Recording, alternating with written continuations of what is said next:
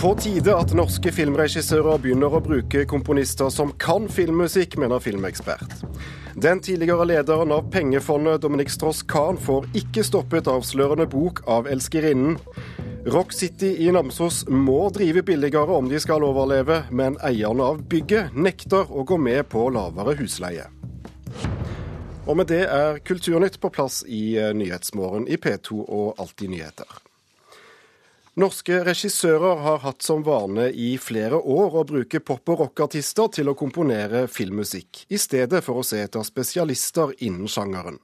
Det mener filmekspert Tor Joakim Haga. Hvis norsk film ikke tar grep, kan det gå utover kvaliteten på filmene. Det er liksom to måter å tenke filmmusikk på. Det ene er det som underbygger bildene, og det andre er det som underbygger historie og emosjoner. Men uh, begge deler må til. Vi sitter i et studio i Kristiansand og hører på filmmusikken til en av de store norske filmproduksjonene i år, nemlig filmatiseringen av Hamsuns Victoria. Dette, dette er jo hovedtema som, som, også, som også er kjærlighetstema, selvfølgelig, siden det er en film om tragisk kjærlighet. Erik Honoré ble sammen med bl.a. Jan Bang hyra inn som filmkomponister av regissør Torunn Lian. Så jeg må bare si jeg er veldig stolt av den filmmusikken. Og det er også fordi at, eh, at man har jobba så fint. altså Sammen med Arve Henriksen og Gaute Storås. Og at vi har brukt såpass lang tid på det, eh, sånn at ting har fått lov til å sette seg.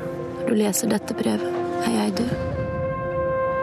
Mens det i Victoria var et tett samarbeid mellom regissør, musikere og komponister, er ikke alltid dette tilfellet, skal en tro Tor Joakim Haga, filmjournalist i montasj.no, som har spesialisert seg på filmmusikk.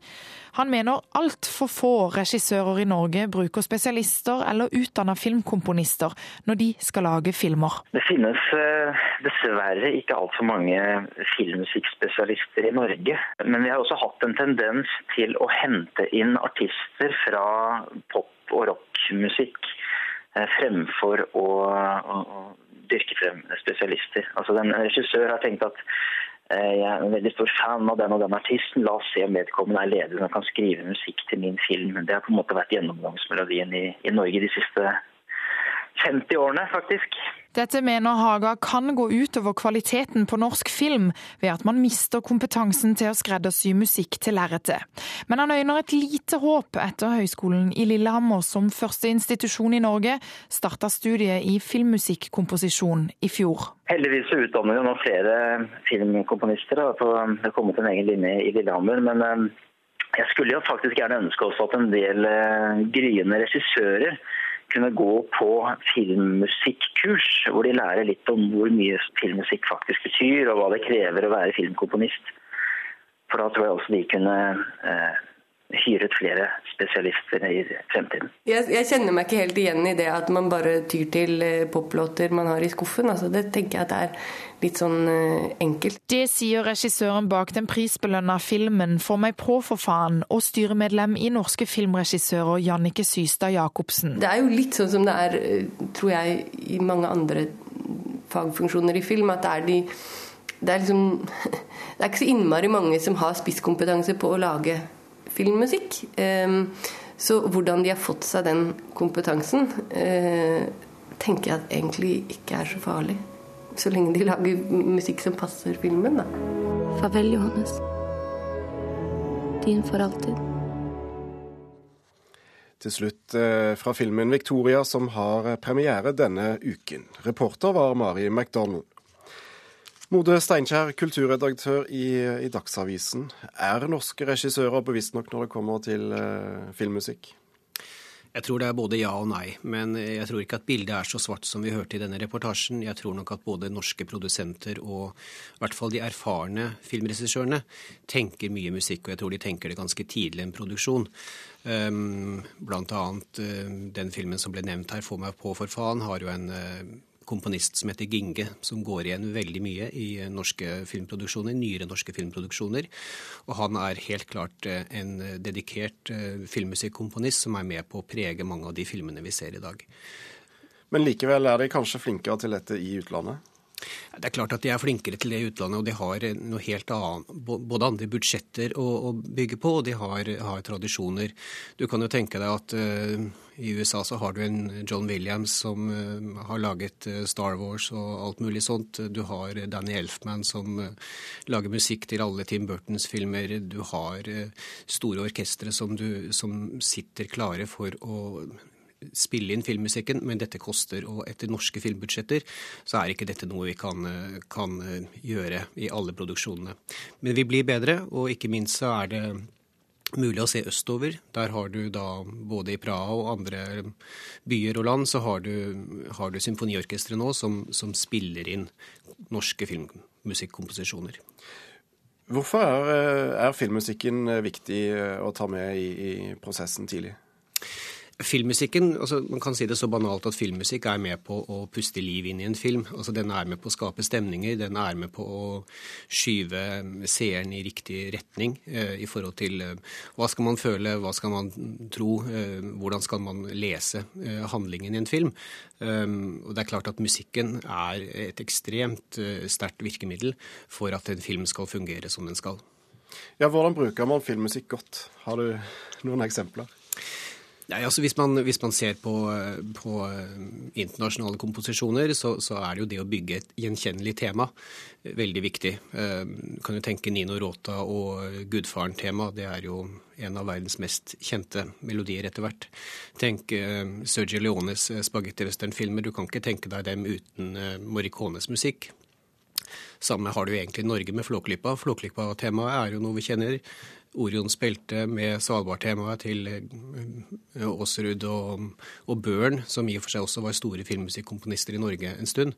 Um, det er et veldig viktig virkemiddel, men samtidig så kan vi også bruke popmusikk for å understreke både tekstlig og med melodi hva du vil med en film. Nå har vi fått den første eh, utdanningen for, eh, for, spesifikt filmkomponister her i landet. Tror du de vil få mye å gjøre når de blir ferdig utdannet? Jeg håper i hvert fall de får det, men det avhenger jo da av at du har regissører og produsenter som faktisk vil satse på musikken.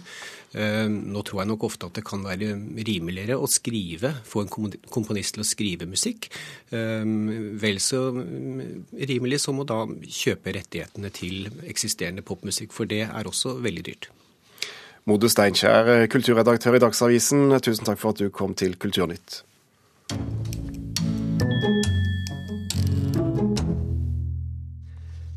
Den tidligere, den tidligere, lederen av Det internasjonale pengefondet, Dominic Strauss-Kahn, får ikke stoppet salget av boken der hans tidligere elskerinne kommer med detaljerte opplysninger om forholdet de hadde. Retten avviste i går, i, går Strauss-Kahns forsøk på å stoppe boken, som har fått tittelen 'Skjønnheten og udyret'. Reporter Johan Tolgert i Paris, du har fulgt Strauss-Kahn-saken tett. Hvordan er eh, reaksjonene på, eh, på rettens avgjørelse? Ja, det er vel eh, klart at mange er nøyde med at det ikke blir noen sensur. For det er jo det man frukter i alle litterære og mediale kretser, naturligvis. Man vil jo ikke ha sensur, men man vil jo at alt skal kunne få skrives, at ordet skal få være fritt. Eh, det är väl därför att man ändå tycker att det kanske är lite, var lite onödigt att bokförlaget ska få betala 370 000 kronor i eh, skadestånd. Liksom tidningen Le Nouvel Obs som har publicerat en eh, del av boken på sina sidor och på internet. De ska få betala 190 000 kronor ungefär. Och det är väl inte så att man tycker att det där är så där värst bra. Rätten hävdar att eh, tidningen och boken naturligtvis i första hand. Eh, där har man gått för långt och visat för mycket av en privatpersons privatliv. Eh, det finns alltså vissa gränser utan att man egentligen vet var gränsen går någonstans. Dominik Strauss-Kahns advokat tycker dock att det här är en viss seger att i alla fall det blev ett visst skadestånd. Det är väl inga stora summor för Strauss-Kahn själv men det blev alltså en viss seger för honom eftersom det är ganska ovanligt att man i Frankrike får betala för en bok i alla fall. Att man får betala ett visst skadestånd för att man har skrivit vissa eh, avslöjande saker om en person. Så en, en, en liten seier tross, uh, tross, at boken ikke blir stoppet. Men bryr den jevne franskmann seg om dette? Ja, det er faktisk et stort uh, samtalsämne. Man skal jo veta at Dominique Strauss-Kahn höll på å bli Frankrikes presidentkandidat for vänstern i uh, det förra valet förra året. Uh, og å stille opp i en presidentvalskampanj er ju någonting väldigt stort i Frankrike. Dominique Strauss-Kahn har også levt et liv i lyx og flärd. Så att man eh, har ju följt den här personen som har vært oppe i toppen, uppe i toppen i makteliten og som helt plötsligt på grund av en affär med en eh, städerska i New York har fallit långt, långt, långt djupt ner och nästan förlorat allt. Så att man har ju liksom blivit chockad mycket i Frankrike över att en person som har varit så viktig har, liksom, har fallit så djupt. Eh, det här är ett samtalsämne som man pratade om igår eh, i bokhandlar, framför tidningskiosker, i tv, radio. Jag hörde till och med folk på metron här i Paris eh, prata om boken. Ja, hva, vad handler den egentlig om, boken som da er, er skrevet av, av elskerinnen som sørget for at han mistet jobben i pengefondet? Det är, vi vet inte, det är ju få som har läst hela boken men några rader har man ju fått eh, läsa om och även om inte Strauss-Kahn nämns vid namn utan det handlar om du, jag, eh, det är skrivet i sån form alltså i boken eh, så vet man om att det är honom den handlar om och det är ju små detaljer, viktiga detaljer kanske också för många som avslöjas här. Han säger i, boken att hela mitt liv är ett enda stort felsteg. Eh, han också har berättat att eh, han har blivit en slags liten hund, en pudel eh, som går i koppel till sin fru eh, Anne Sinclair som i Frankrike har varit en välkänd journalist. Eh, det är många som naturligtvis tycker att oj, han kanske inte har varit så fri och inte varit så lycklig som han man har trott att han har varit. Mm. Sedan så får man ju också reda på många olika små detaljer. Det är ett par rader i boken som har blivit väldigt uppmärksammade. Eh, för att han kallas ofta för en gris, ett svin, ett odjur. Och det står några rader här som jag fritt översätter från boken där, eh, han har, där eh, Marcella Jacob, författarinnan, har skrivit att odjuret måste istället för att vara en underkastad slav bli sin egen herre. Och den dagen då han blir sin egen herre så kommer du att förvandla din sperma till skrivande bläck. Ikke... Det är inte så att man Ja, jag ville bara säga att man tycker alltså inte att detta är några rader som chockar utan och är sliskiga, snuskiga, utan man tycker att det her finns ett visst litterär, en viss litterär form i detta faktiskt i boken. Den har, av några personer som har läst boken så får den ett väldigt högt betyg. Eh, litterær form til tross eh, ingen fordelaktig beskrivelse av Strauss-Kahn, eh, dette, men boken blir likevel ikke stoppet. Tusen takk skal du ha, Johan Tolgert i Paris. Takk. Du hører på Kulturnytt i NRKs Nyhetsmorgen på P2 og i Alltid nyheter. Dette er hovedsaken i nyhetsbildet akkurat nå. Det bør bli påbudt for alle landets politipatruljer å lagre skytevåpen i bilen, mener en arbeidsgruppe nedsatt av Justis- og beredskapsdepartementet. Presset mot Syria øker etter møtet mellom USAs og Russlands utenriksministre. Vi skal til eh, Namsos, for eierne av bygget som huser det omstridte Rock City i Namsos, vil ikke gå med på, å, gå med på lavere husleie. I går kom en granskningsrapport fra Price Waterhouse Coopers som viser at rockesenteret må kutte kraftig i driftskostnadene for å overleve. Men huseieren mener Namsos kommune og Rock City-styret må hente penger andre steder.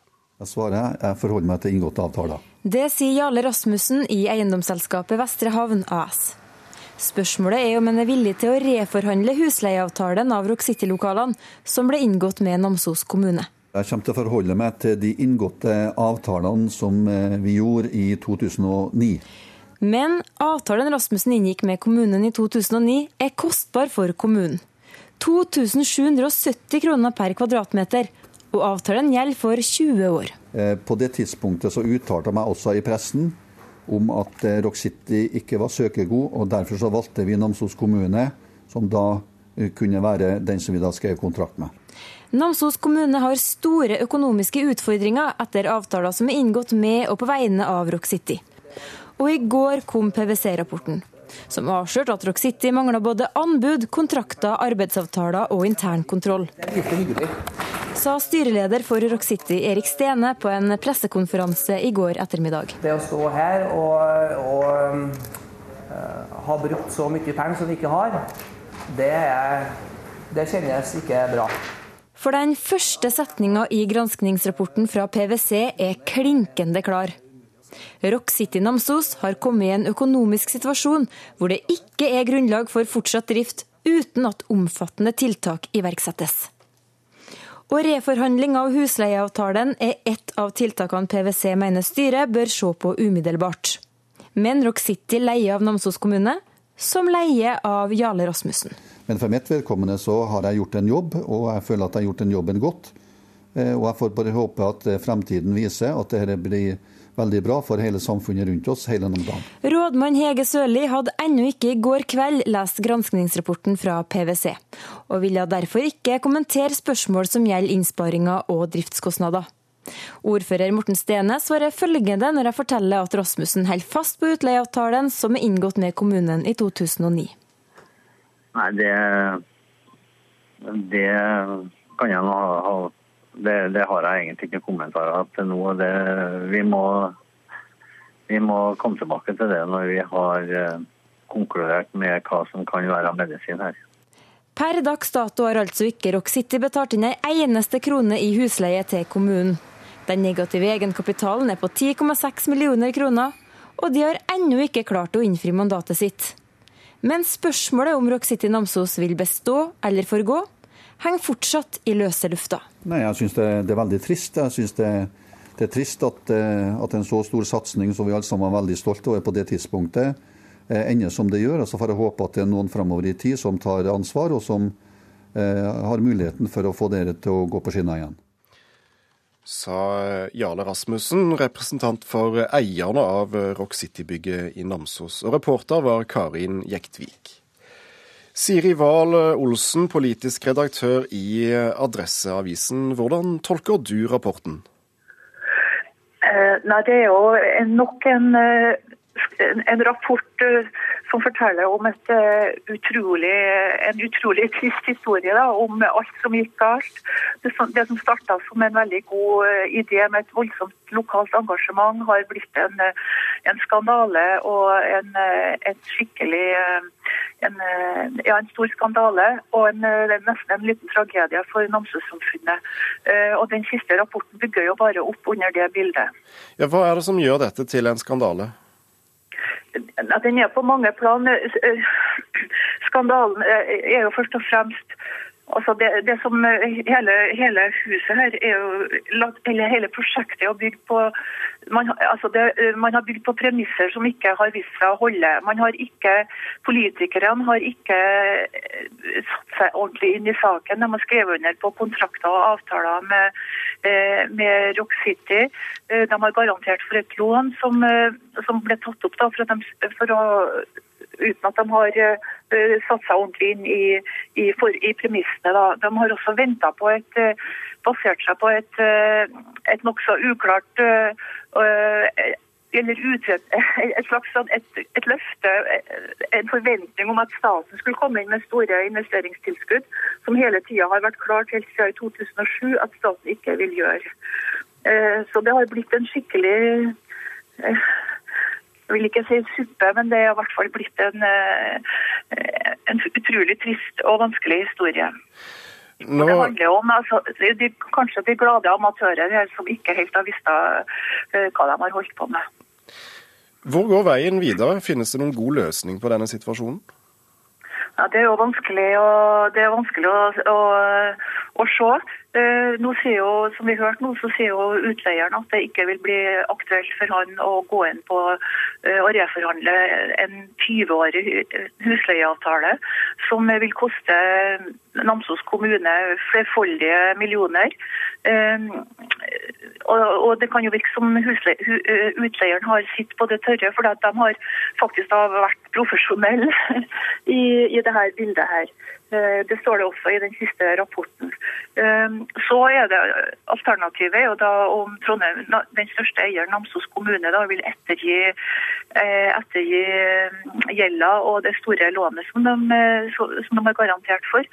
Eh, da vil det jo da bli Namsos kommune som, og borgerne i Namsos som blir sittende med regninga for det her eh, eventyret. Eh, og dette ja, det... E- eventyret fortsetter, for å si det sånn. Sirkuset ruller videre. Tusen takk skal du ha, Siri Wahl Olsen, politisk redaktør i Adresseavisen.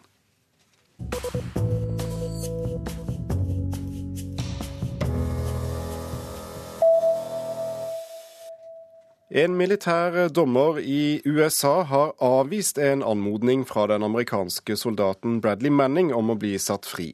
Bradley Manning er anklaget for å ha lekket hundretusener av utenrikspolitiske og militære hemmeligheter til Wikileaks. Manning har så langt sittet i fengsel i over 1000 dager, og selve rettssaken er ikke begynt. Hackere har angrepet en australsk TV-stasjon i protest mot at en kanal intervjuet den nasjonalistiske nederlandske politikeren Gert Wilders. Det melder nyhetsbyrået Ritzau. Private opplysninger som e-postadresser og passord fra omtrent 50 000 australiere er blitt lekket fra nyhetskanalen ABC og lagt ut åpent på internett. Rundt 1000 av de rammede jobber for den australske regjeringen, skriver Politikken.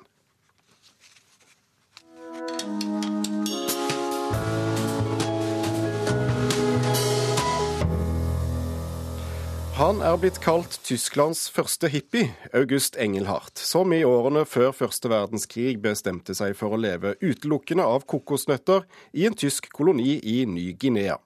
Nå foreligger den sveitsiske forfatteren Christian Krachts roman om Engelhardt i norsk utgave med tittelen Imperium. Kracht tilbyr et dypt ironisk glimt inn i en tysk kolonimakt på vei inn i undergangen, mener vår anmelder Knut Hoem. I den lokale Kiwi-butikken oppdager jeg plutselig et parti momsfrie kokosnøtter. Jeg blir stående en stund foran disse knallharde, brune og hårete fruktene, og lurer på hva jeg kan bruke dem til, men ender opp med noen bananer isteden. Jeg mangler visst den ideologiske, ja vel egentlig religiøse overbevisningen til tyskeren August Engelhardt, som forlot sitt hjemland i en tid da han og mange med ham mente at keiser Wilhelm 2.s rike sto foran undergangen. Der Untergang des Abenlandes, som Oskar Spengler skrev i samme tid. Ta Jane Campions film Piano, Tegneserien av Hugo Pratt om sjømannen Corto Maltese, og miks det med Fitzcarraldo, du vet filmen med Klaus Kinski som ville bygge en opera i den peruvianske jungelen. Bland dette igjen med Leonardo DiCaprio The Beach. Ja, også litt Kon-Tiki. Også i Christian Krachts Stille hav ser du flygefisker som hopper i sølvparabler, hva nå det skal bety. Ja, rør sammen alle disse filmene, og du har denne romanen. Det kan se ut som om oversetter Sverdal med stor glede har ivaretatt Krachts gammelmodige skrivemåte og tyske setningsbygning, noe som skaper en uvirkelig avstand til begivenhetene og til fortellingens hovedperson. Vi trer inn i en periode i tysk historie da alt fortsatt syntes helt åpent. Det gamle regimet sto for fall, men ingen visste hvilken vei det moderne Tyskland skulle ta. August Engelhardt er for lite av en forfører til å kunne skape oppslutning rundt sin kokosnøtt-utopi. I en nøkkelscene i boken ryker han uklar med en annen drømmer som har flyktet fra sivilisasjonen, men som mener Engelhardt har for lite sosialisme i utopien sin. En annen ung tysker kommer for å realisere sin undertrykte homoseksualitet i kokosparadiset. Med denne romanen ble Christian Kracht en kontroversiell forfatter i Tyskland. En kritiker i ukemagasinet Der Spiegel mente han sto dørvakt for høyreekstremt tankegods når han skildret det i sin natur dypt rasistiske tyske kolonivelde. Det er definitivt å ta ham for alvorlig, og å overse romanens ironi. Nei, det er all grunn til å mikse seg en Caribbean Nightmare eller en Nutty colada, og tilbringe noen timer i tropevarmen sammen med August Engelhardt, en forløper til det 20. århundres mange utopister han var noe så sjeldent som en tysk hippie. sa vår anmelder Knut Hoem. I denne sendingen har du hørt at norske filmregissører må begynne å bruke komponister med kompetanse på filmmusikk. Det går utover kvaliteten å bruke musikere som ikke kan det, mener filmekspert. Med det runder Kulturnytt av. Produsent Vidar Sem, teknisk ansvarlig Espen Hansen, og i studio Thomas Alvarstein Ove. Men Nyhetsmorgen fortsetter.